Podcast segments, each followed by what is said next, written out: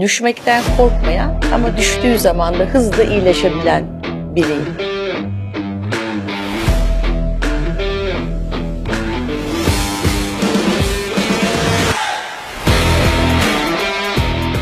kurguladığım bu dünyadan, o ateşler yani ızdırap bana veriyor dediğim bu dünyadan tutunacak bir dal olan yelkenin eteğine tutunarak çıkmak istedim.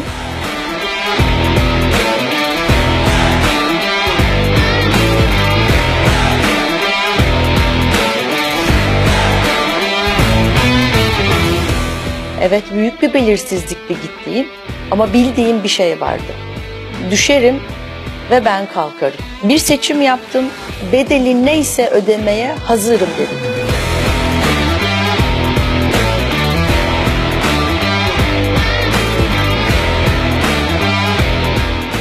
Yine tekne benim elimdi, ayağımdı, bedenimdi. Merhaba sevgili Açık Beyin dostları. Bugün Sınırsızlar programının ikinci bölümündeyiz. Yanımda şu anda çok özel bir konuğum var. Hayat hikayesini sabırsızlıkla dinlemeyi bekliyorum. Az çok bildiğiniz bir isim, bir TEDx konuşmacısı Gülün Bozkurt. Gülüncüm, Hoş geldin. Hoş bulduk canım. Çok teşekkürler zarif davetiniz için. Çok mersi. Çok büyük bir zevk bizim için. Uzun bir yoldan geldin. Kocaman bir meyve sepetiyle geldi elinde. Biraz sonra o konuya da gireceğiz inşallah. Ama Tabii ona ki. girmeden önce kendinden biraz bahsetmeni istiyorum. Bir TEDx konuşmacısın. Zaten orada konu başlığın aşmam gereken okyanuslar var. Tam Evet. da Sınırsızlar programının aslında ilk konu olarak tasarlamıştım seni ama arada Afrika'ya gittik. Hatice ile birlikte olduk. Sen bana ilham verdin bu konuyla ilgili. Çok teşekkür ederim. İstersen biraz Gül'ünden başlayalım. Gül'ün kim? Yani bu onu tanıtmak çok zor olacak onu biliyorum ama sendeki Gül'ünü ben duymak istiyorum. Mügeciğim ben bundan evvel şunu söylemek istiyorum. Senin söylediğin bana hatırlattı. Sevgili Sinan Canan hocamın kitabını, Sınırları Aşmak kitabını okurken bir mail atmıştım. Hocam tanışmak istiyorum sizle. Lütfen tanışalım diye. Kısmetmiş. Hocamla da tanıştım. Bugün gerçekten o kitabın ismi olan programa da konuk olabildim. Bunun için minnettarım. Önce onu teşekkürlerimi sunmak istiyorum. Kendimi tanıtmak kolay değil yani. E, kim deyince işte iki çocuk annesi, işte eğitmen, denizci falan böyle söylemem gerekiyor herhalde ama benim aslında kendimle ilgili en bahsetmek istediğim şey tanıtmak için şu olabilir. Düşmekten korkmayan ama düştüğü zaman da hızlı iyileşebilen biriyim. Aslında bütün hayat kurgum bunun üzerine kurulu. Belirsiz ve öngöremediğim her şeye doğru gitmek, bunu deneyimlemek, böyle bir merakı olan ve arkasından da burada öğrendiklerimle yeni gülinler oluşturma gayretinde olan biriyim. Aslında kendimle ilgili tarif edebileceğim, tarif etmekten hoşlandığım taraflarım bu diyebilirim. Nefis bir tarif oldu. Tam olarak duymak istediğimde böyle bir tarifti Gül'ün. Düşmekten korkmayan ama düşünce de hemen iyileşebilen biri- biriyim dedin. Evet yani Yani bu hep böyle miydi yoksa hayat seni öyle bir noktaya mı getirdi?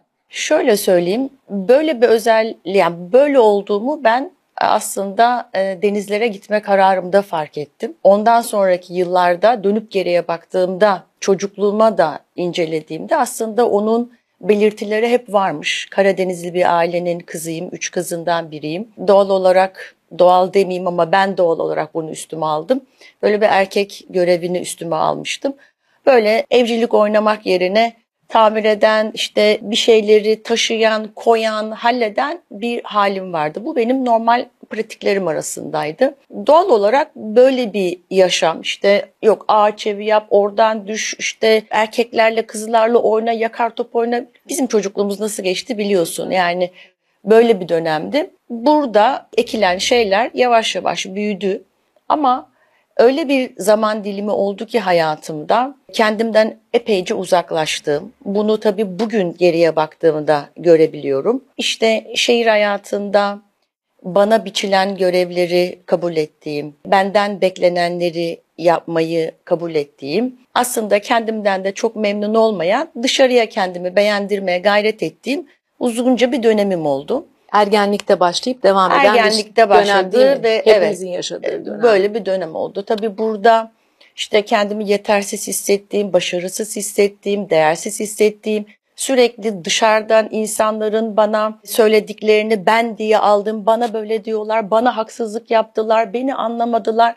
Böyle koca bir yanlış anlamalarla dolu bir dünya yarattığımı bugün geriye dönüp baktığımda görüyorum. Bütün bu yarattığım dünya beni aslında aşmam gereken okyanuslar var hikayesini başlatan bir yer. Çünkü böyle olduğu için koşullar bir araya geldi. Benim ızdırap dolu zihnim bunlardan kurtulmak istedi. Kendi yarattığım bu dünyadan aslında kurtulmak istedim. Fark ettim 40 yaşlarıma yakın ki büyük bir ızdırabım var. Canım yanıyor, çok mutsuzum, mutsuzluktan da öte öfke doluyum, kalbim ateş gibi yanıyor, kızgınım kendime, herkese.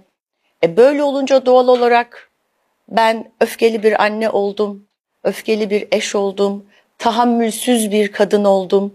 Şimdi bütün bunlarla yaşamak benim için çok zor olmaya başladı. Bu sebepten dolayı da bir karar vermek zorundaydım. Böyle mi yaşamaya devam edeceğim? Koşullar öyle bir araya geldi ki zorlukların içinde aslında çok kolay olan bir taraf vardır. İşte o kolay olan taraf bende yelken tutkum oldu. Çünkü orası benim sığınacak alanımdı diye kurguladığım bu dünyadan, o ateşler yani ızdırap bana veriyor dediğim bu dünyadan tutunacak bir dal olan yelkenin eteğine tutunarak çıkmak istedim. Ve ondan sonra da bütün hikaye bunun üzerine kurgulanmaya başladı.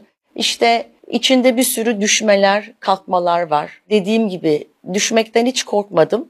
Çocukluğumda da böyleydi. Ama kendimin o düştükten sonra hızla kalkıp iyileşebileceğimle ilgili bir bilgim yoktu. 40 yaşında her şeyi bırakıp denizlere gittiğimde yani alışkanlıklarımı, iki tane kız evladımı, eşimi, annemi, babamı, bütün sevdiklerimi, rutinlerimi, alışkanlıklarımı düşün. Ben bir şehir kadınıyım. Lükslerimi, oldukça varlıklı ve lüks bir yaşantı içindeydim. Bütün bunları bırakıp giderken tek bir şey derdim vardı. Yani ızdırabım vardı. Öfkeden, kızgınlıktan, tahammülsüzlükten çok dertliydim. Yelken benim o andaki ilacım, şifam olarak gördüm ve onun üzerine tam bilinmeze, öngöremediğim koca bir dünyaya adımımı atmış oldum. Ve o günden bugüne kaosla ilgilenir oldum. Açık Bey'in, Sinan Hocam'ın en sevdiği konu zaten beni sizle bir araya getiren şey de oldu. Doğada, denizde yaşarken kaosu anlamamak mümkün değil. Tabii ben buna böyle kaos teorimi falan diye bakmıyordum. Bir denizci olarak meteoroloji benim en önem verdiğim konuydu. Yani tekneye gelen öğrencilerimle en başta anlattığım olmazsa olmazım meteorolojiydi. O değişkenler, o belirsizliği, o öngörülemezliği, işte o zihni esnetme halini, işte rotanın her an değişebileceğini çünkü bu koşullara bağımlı varoluşun işte içindeki bütün işte sıcaklığın, nemin, basıncın ne kadar hızlı değiştiği ve buna bağlı hava olaylarının değiştiğini falan, falan. ben bunları anlatırken sonra baktım Sinan Hoca bunları anlatıyor.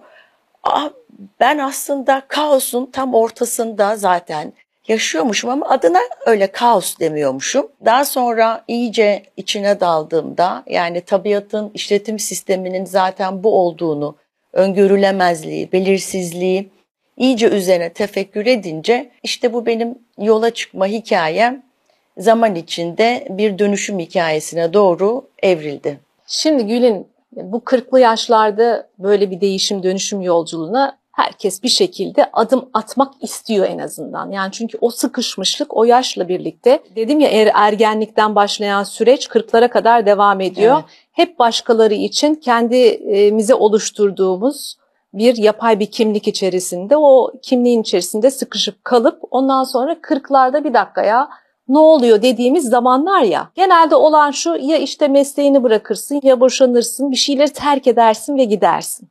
Şimdi senin hikayene baktığımda ilk başta sanki öyle bir şeymiş gibi geliyor. Evet. Ama o kadar farklı ki, o kadar öyle bir şey değil ki. Sen belirsizliğe doğru adımını attın, yelken açtın evet. belirsizliğe doğru. Evet. Oradan da belirsizlikle ilgili inanılmaz bir öğretiyle geri döndün.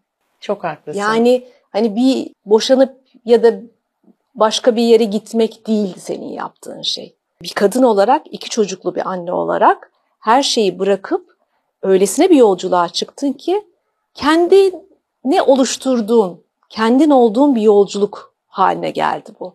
Ve bunu da bir öğreti, bir eğitim haline getirdin daha sonrasında. Evet. İnanılmaz bir faydayla çıktın oradan. TEDx konuşmasını mutlaka dinleyin arkadaşlar. Orada en sonunda çocukların sana yazdığı bir mektup var diye çok etkilendim oradan. Evet. En başta dinlerken ya iki çocuğu bırakıp nasıl gider bir anne dediğim noktada o mektubu gördüğümde inanılmaz etkilendim ve dedim ki işte bu. Neden? Çünkü seni sen yapan şey aslında tamamen o yapay kimliğinden sıyrılma cesaretiydi.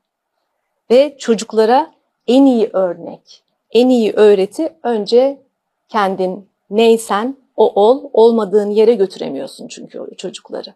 Çok haklısın. Benim zaten motivasyonumun altında bu vardı. Yine ben yola çıkarken bilemiyordum. Neyle karşılaşacağımı bilmiyordum. Doğada bu kadar uzun süre var olamamıştım.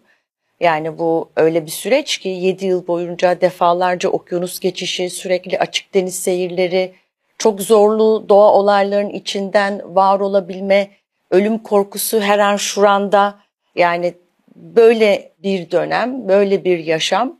Şimdi gerçekten doğa bana bütün bilgeliğiyle kucak açtı. O kadar uzun süre yaşayınca doğaya saygı duymayı, zihnimi doğanın değişkenlerine esnetebilmeyi, onunla uyumlanmayı, sabretmeyi mecburen öğrendim. Çünkü başka türlü hayatta kalamazdım. Anda kalmayı. Yani akışta Hiçbir olmayı. Hiçbir şekilde öğrenemezdim eğer ben bütün bunları doğanın bana dayattığı bu bilgileri çünkü doğa acımasız ama ben ona uyum sağlamak büyük bir hürmetle boyun eğdim ve onunla uyumlandım. O yüzden beni 7 yıl kornunda barındırdı. Ondan sonra bu süreç öyle oldu ki giderken o öfkeli, tahammülsüz, sabretmeyen, sürekli başkalarını suçlayan, hep dışarıdan geldiğini, kötülüğün, zulmün, haksızlığın dışarıdan geldiğini düşünen Gül'in bu yolculuklar boyunca bir şeyler değişti. Ve bu değişen, dönüşen, bendeki dönüşen yani yeni oluşan bir anne, yeni oluşan bir Gül'in doğal olarak karaya döndüğünde yıllar sonra çocuklarının da artık aynı annesi değildi. Öfkeli, tahammülsüz bir anne yoktu karşılarında. Giderken ızdırabım var demedim. Adı bu değildi. Ama canımın çok yandığını biliyordum. Yani denizlerin, okyanusun bana şifa olacağını düşünüyordum. Evet büyük bir belirsizlikti gittiğim ama bildiğim bir şey vardı. Düşerim ve ben kalkarım. Bunu biliyordum ve de ikincisi bir seçim yaptım. Bedeli neyse ödemeye hazırım dedim. Yani iki tane şeyi biliyordum elimde. Her şey belirsizdi ama düşüp hızla kalkıp iyileşebileceğimi biliyordum. İkincisi de yaptığım seçimin bedeli neyse ödemeye de hazırdım. Sorumluluğunu çünkü, almaya. Çünkü o halde zaten yaşayamazdım. O halde zaten ben bir anne çocuklarına faydalı, örnek, rol model olabilecek, onlara daha bilgece yaklaşabilecek bir anne olmam mümkün değildi. Önce kendime. Kendime büyük kızgınlıklarım vardı. O yüzden bütün hikayeyi kendime döndürdüm. Dışarıyı bıraktım. Artık benim için dışarısı diye biri kalmadı. Tamamen kendimle ilgili yanlış anlamalarımı tekrar üzerinde tefekkür ederek, daha doğru değerlendirmeler yaparak, öğrendiklerimle birleştirerek doğanın müthiş bilgeliğiyle birlikte hayatla harmanladığım bu bilgiler bana başka bir gülini oluşturmam için bir yol haritası sundu. İşte o yüzden de bahsettiğim TEDx konuşmasının sonunda evlatlarımın yazdığı bana mektupta bunun en büyük mükafatlarından biri. Ben değişince doğal olarak her şey değişti. Tabii ki ben dönüşmeye devam ediyorum. Tüm gayretimle zihnimi eğitmeye, yeni Gül'in parçalarımı yani bana hizmet etmeyen parçaları değiştirip yenilerini oluşturmaya ve yeni bir benlik yine oluşturma gayretindeyim. Çabam bu yönde. Şu anda tamamen bununla uğraşıyorum. 7 senelik tekne macerasından sonra karaya döndün ve çok uzun zamanda tekrar binmedin diye biliyorum değil mi? Evet. En son ne zaman tekrar deneyimledin, bir eğitim verdin? Şimdi 2000 2010 ila 2018 yılları arası yoğun yelken eğitmenliği yaptığım teknemde işte açık deniz ve okyanus yelken eğitmenliği yaptığım dönem. Çok güzel dostluklar, öğrenciler ve harika seyirler. 2018 yılında artık karaya geri döndüm. Konuşmak ve yazmak istedim. Ondan sonraki isteğim oydu. Bir yıl kadar kapanıp aşmam gereken okyanuslar vardı. İlk otobiyografik romanımı yazdım. Senin bahsettiğin gibi TEDx konuşmamı yaptım derken ondan sonra işte konuşmalar, eğitimler böyle bir beş yıl geçti. Kurumlara eğitimler Kurumlara eğitim veriyorsun. vermek, işte e, motivasyon konuşmaları yapmak bunun üzerine çalışmalarım oldu. Beş yıl boyunca dümene elimi değmedim. Çok ee, inanılmaz bir süre değil mi senin için? Çok uzun bir süre. Evet. Zihnen çok yorgun olduğumu fark ettim. Ve zaten koşullar da bir araya gelmedi benim bir teknede kaptanlık ve eğitmenlik yapmak için. Yani talep edenler olmuştu ama ben bunu artık profesyonel iş olarak yapmama kararı almıştım. Bu yaz ilk defa kardeşim ve eniştemin almış olduğu teknede onların isteği üzerine kabul ettim. Bir hafta onlara yelken eğitmenliği yaptım. Müthiş bir haftaydı. Bir kere çok özlemişim. Eğitmenliği ve dümende olmayı çok özlemişim. Ama özlemden evvel sana bir şeyi bahsetmek istiyorum. Gitmeden evvel tekneye, şimdi düşünsene beni 5-7 yıldır denizde işte e, defalarca okyanus geçmiş şu bu falan diye böyle müthiş denizci diye ailem işte kızları denizci falan çok güzel. Muhtemelen beklenti de yüksek. E ben 5 yıldır hiç denizle temas etmemişim. Böyle bir sorumluluk almamışım. Bende de tatlı bir heyecan. Acaba ben neyi hatırlıyorum? Unuttum mu? Bağları, işte yanaşmayı, ayrılmayı, tekneyi, manevrayı, çünkü o kadar uzun süre teknede yaşayınca tekneyle bir ve bütün olmuştum. Şimdi 5 yıl aradan sonra acaba neleri unuttum diye ben içten içe bir tatlı endişe duymuyor değildim. Bunu çok fazla dillendirmedim ama tabii ki dedim yani size ben öğretmek isterim falan. Biz gittik. Bana tekneyi teslim ediyorlar. Teknenin kaptanı olarak, doğal olarak.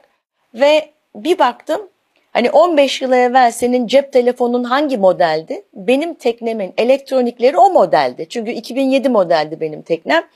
Yani bir düşün 15 yıl evvel kullandığın cep telefonunun teknoloji nasıldı ve şimdi kullandığın telefon nasıl?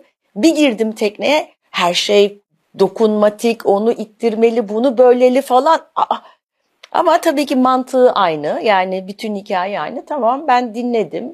Bir iki kurcaladım. Onu anladım.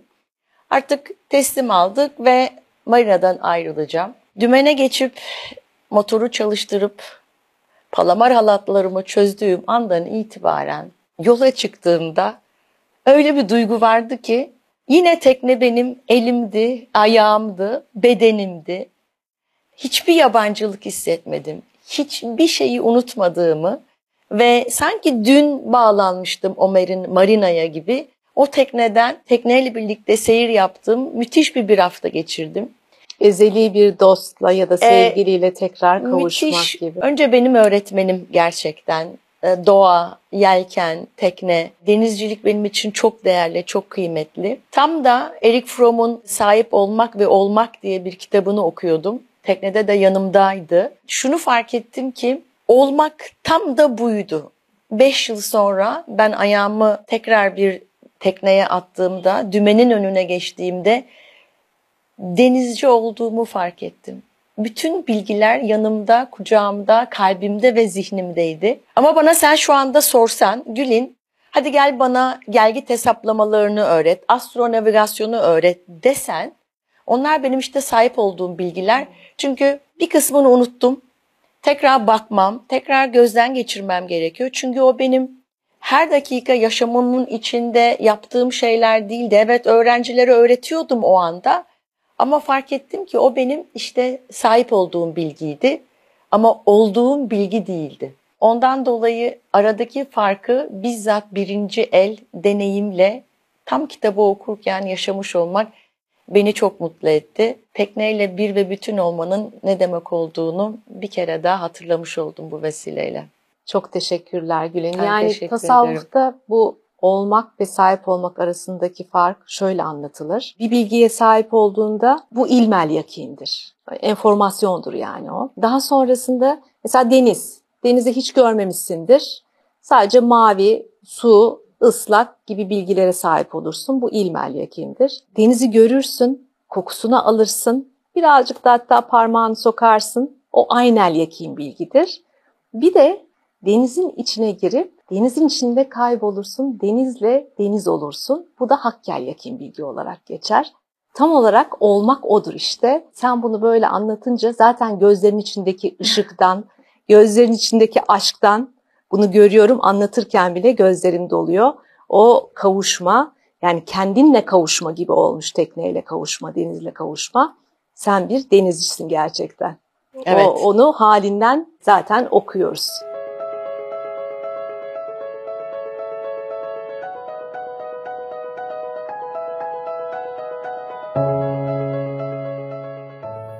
Denizcinin en hoşlanmadığı şeydir kafadan gelen rüzgarlar ve dalgalar. Evet bu şartlar altındaydı. Rüzgar kuvvetlendikçe kuvvetleniyor. Doğa bize küçül denizci diyordu. Tekneye ilk geldiğim günden beri doğayla savaşılmayacağını zaten öğrenmiştim.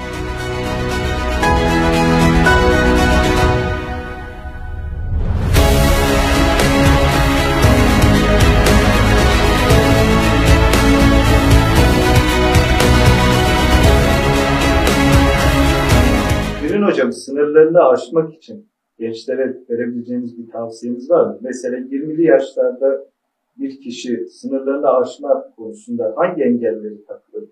En büyük engellerden biri hayatın öngörülemez ve belirsiz olduğunun farkına varmadan her şeyi kontrol edebileceğimizi, belirleyebileceğimizi zannetme hali. Eğer belirsizliği, muğlaklığı, öngörülemezliği gerçekten üzerine tefekkür edersek o zaman yeni bir şey yapmaktan, o konfor alanından dışarı çıkmaktan korkmadan cesurca çıkabilmeye gayret ederiz. Çünkü aslında her şey belirsiz, öngörülemez bir halde. Fakat biz kendi şu anki zihnimizde kontrol edebileceğimizi, belirli olduğunu zannediyoruz. İki tane şey söyleyeyim. Düştüğün zaman kalkabilme cesaretin, hızla iyileşebilme cesaretin. İkincisi de hayatın öngörülemez ve belirsizliği üzerine derin düşünebilme cesareti. Kaosu iyi idrak etmiş zihin aslında tam olarak anda kalan zihin değil mi Gülüm? Yani anda kalmak, anda kalmak diyoruz ama aslında anda kalmak o anın gerekliliği neyse o an içerisinde onu yapmak ve onun kıymetini bilmek aslında. Onu idrak etmek. E, bir sonraki anın bir derdi, tasası, öncekinin bir keşkesi kalır mı eğer andaysan? Şimdi Ve... sana çok tatlı bir şey anlatacağım hemen. Bu anda kalmakla ilgili. Şimdi denizcilik bitti. Ben karaya döndüm. Bir geldim ki ortalık mindfulness eğitimleriyle kaynıyor. Her yerde ben tabii denizlerde bunun farkında değildim. Her yer mindfulness eğitimleri var. Tabii ki doğal olarak ben de e, o kadar uzun zamandır mesafeli olmuşum bütün bu teknolojilere, bilgilere falan. Hemen kendimi eğitimlere attım. İşte mindfulness eğitimleri aldım falan. Şimdi her bilgi bana verildiğinde ah bu tanıdık. Bende hepsinin denizde, yelkende karşılığı var. Şimdi anda olmayı tarifle soyut bir şekilde anlatılmaya çalışıyor. Bir saniye diyorum ya ben bunu biliyorum çünkü sana şöyle örnek vereyim. Dümendeyim, okyanusta olduğumuzu hayal et ve birkaç metrelik dalganın üzerinde yelken yapıyoruz tamam mı? Ve dümendeyim. Doğal olarak o dümende teknenin bütün salınımıyla ayağım, bedenim, her şeyim dengeli. Yani müthiş bir beden farkındalığı içindeyim. Çünkü o bedenimi fark etmezsem, tekneyle uyumlandırmazsam zaten e, suya düşeceğim falan. Yani benim mutlaka o anda yaptığım işime odaklanıyor ve dümenimle bir ve bütün oluyor ve teknenin salınımıyla bedenimi uyumlandırıyor ve o anda bütün beden fark, bedenimde neler oluyor, bütün bunu bir kere fark ediyorum. İkincisi Şimdi düşün ki böyle bir andasın. Gözlerin tüycükte. Yelkeninin hareketini takip ediyorsun. Bütün odağın yelkende. üzerindeki minik tüycüklerde rüzgarı yanağında hissediyorsun. Rüzgarın değişimini yanağında, bedeninde hissederek anlamaya çalışıyorsun. Bir taraftan bulutlara bakıyorsun, onların hareketini takip ediyorsun ve müthiş bir şekilde o anda atmosferde neler oluyor, teknede neler oluyor, teknenin içindeki gelen seslerde neler oluyor ve gözün yelkende, tüycüklerde bütün o anda yaptığın işle hem bir ve bütün olup hem anda kalıp bu yelkenli tekneyi rotasında düzgün bir şekilde götürmeye çalışıyorsun. Şimdi tam da burada komik bir şey anlatmak istiyorum. Anda olmayı e, bana anlatıyorlar, eğitimdeyiz falan. Hemen aklıma şu geldi. Şimdi düşünsen elinde bir tabak yemek, okyanustasın ve tekneyle birlikte sallanıyorsun tamam mı?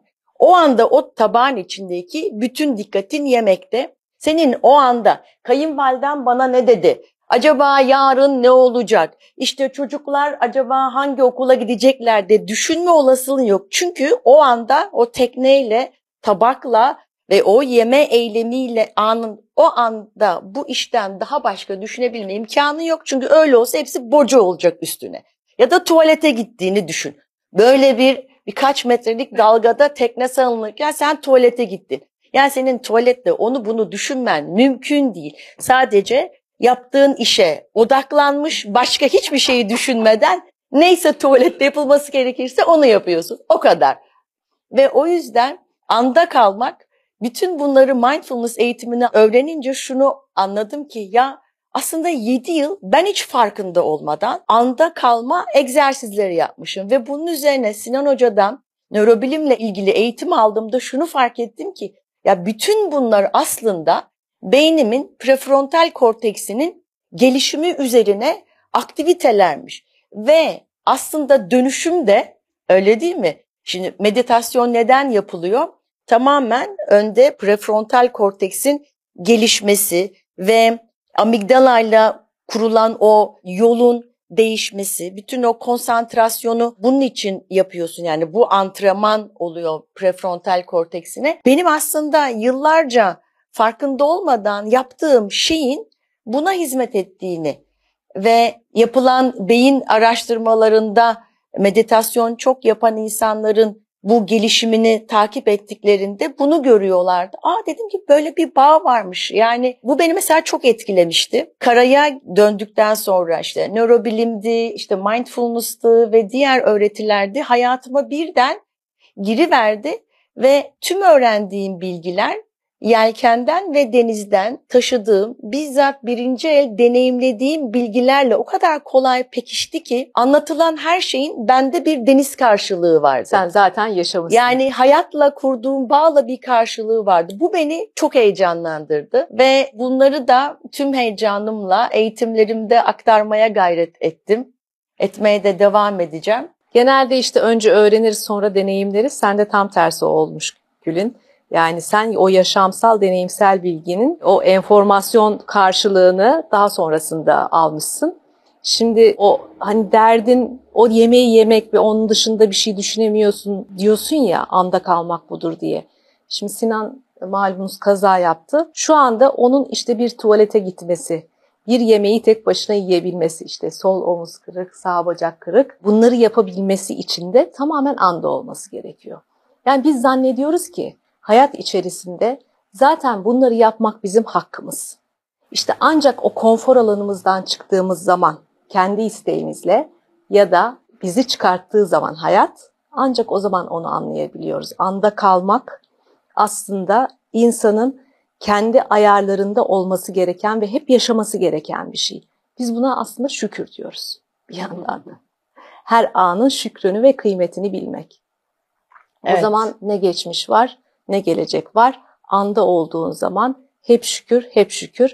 Ben senin gözlerinin içinde zaten onu hep görüyorum Gülüncüm. Teşekkür ederim. Ee, hep o neşenle, sevincinle, o anın kıymetini ne kadar yaşadığını etrafına da yansıtıyorsun. Teşekkür ee, müthiş bir deneyimsel hal var üstünde zaten. Onu görüyoruz hepimiz. Bu arada kapatmadan önce hemen şehri de terk ettin. Gittin bir köyde yaşamaya başladın. En başta söylediğim o koca meyve sepetiyle geldi buraya gene büyük bir neşeyle ve bereketiyle girdi içeriye Gülüncüm. Teşekkürler. Ee, son olarak orayla ilgili de orada da yeni bir deneyimin var. Kısa bir bilgilendirme alalım ve sınırsızların ikinci bölümünü bu şekilde kapatalım istiyorum. Aslında bana doğal olarak öğretiler yani etrafımdaki dostlarımın yorumu şu oldu. Yani deniz bitti şimdi de işte okyanuslara gittin şimdi de köye gidiyorsun falan. Aslında hikaye öyle değil. Ben bir yerden kaçmıyorum. Kaçtığım hiçbir yer yok. Sadece doğayla birlikte olmayı çok seviyorum. Doğanın tadını denizin, aldın sen. Denizin doğası bana çok şey öğretti. Şimdi topraktan çok şey öğrenmeye başladım. Küçük şimdi çiftçilik yapıyorum denmez ama bakımını üstlendiğim ağaçlarım var, meyvelerim var. Kendi bahçemde ekiyorum, biçiyorum. Bir köye çok sakin bir yaşantıya geçtim. Meşguliyetlerimi çok azaltmak üzerine bir pratik yapıyorum. Şu andaki hayat pratiğim bu. Doğal olarak burada yepyeni bir dostluklar, yepyeni bir öğreti, yepyeni bir bilgi dolu cevherle karşı karşıyayım. Denizin doğası bana bütün bereketiyle bana aktı. Çok şükür ki ben de alabildiğim ölçüde alabildim. Şimdi toprakta, doğada, köy yaşantısında yine yağmurun, toprağın ve köylünün desteğiyle, birlikteliğiyle yepyeni bir deneyim içindeyim. Bu da çok güzel başladı ve devam ediyor. Her zaman bir çocuk merakıyla şimdi toprağa eşeliyorum. Yeni şeyler yetiştiriyorum. Her gün bahçemden topladıklarımla soframı kuruyor olmak bana çok büyük mutluluk veriyor. Zaten denizde de yemek yapmak, sofralar kurmak benim en sevdiğim şeylerden biriydi. Şimdi de yetiştirdiğim sebzelerle, büyüttüğüm meyvelerle yine dost sofraları kuruyorum. Bu sefer de köyde, köydeki dostlarımla, gelen misafirlerimle birlikte oluyoruz. Çok güzel, çok keyifli, yepyeni bir hayat başladı. Ama burada mutlaka söylemem gereken bir şey var ki şehir hayatı hani İstanbul'un trafiğinden bıktım. İşte şehir hayatı hiç böyle değil. Ne trafiği, ne o su, ne bu su. Rahatsız olduğum aslında bir şey yok. Doğaya yakın olmak istedim ve meşguliyeti daha az bir gülün yaratmak istedim. Yaptığım şey bu. Harika. Son söylediğin o kadar önemli ki Gül'ün. Yani şehirden de rahatsız olmuyorum. Bu gerçekten tam olarak sınırını aşmış bir insanın söyleyeceği bir söz. Şikayet yok çünkü. Sınırını aşmış insanda şikayet diye bir şey kalmıyor. Benim gördüğüm o. Bize ilham veren bu hikayelerle tekrar buluşmak üzere Sınırsızlar programına bekliyoruz. Eğer sizin de etrafınızda sınırlarını aşmış, bize ilham verecek hikayesi olan birilerini tanıyorsanız mutlaka bize yazın derim.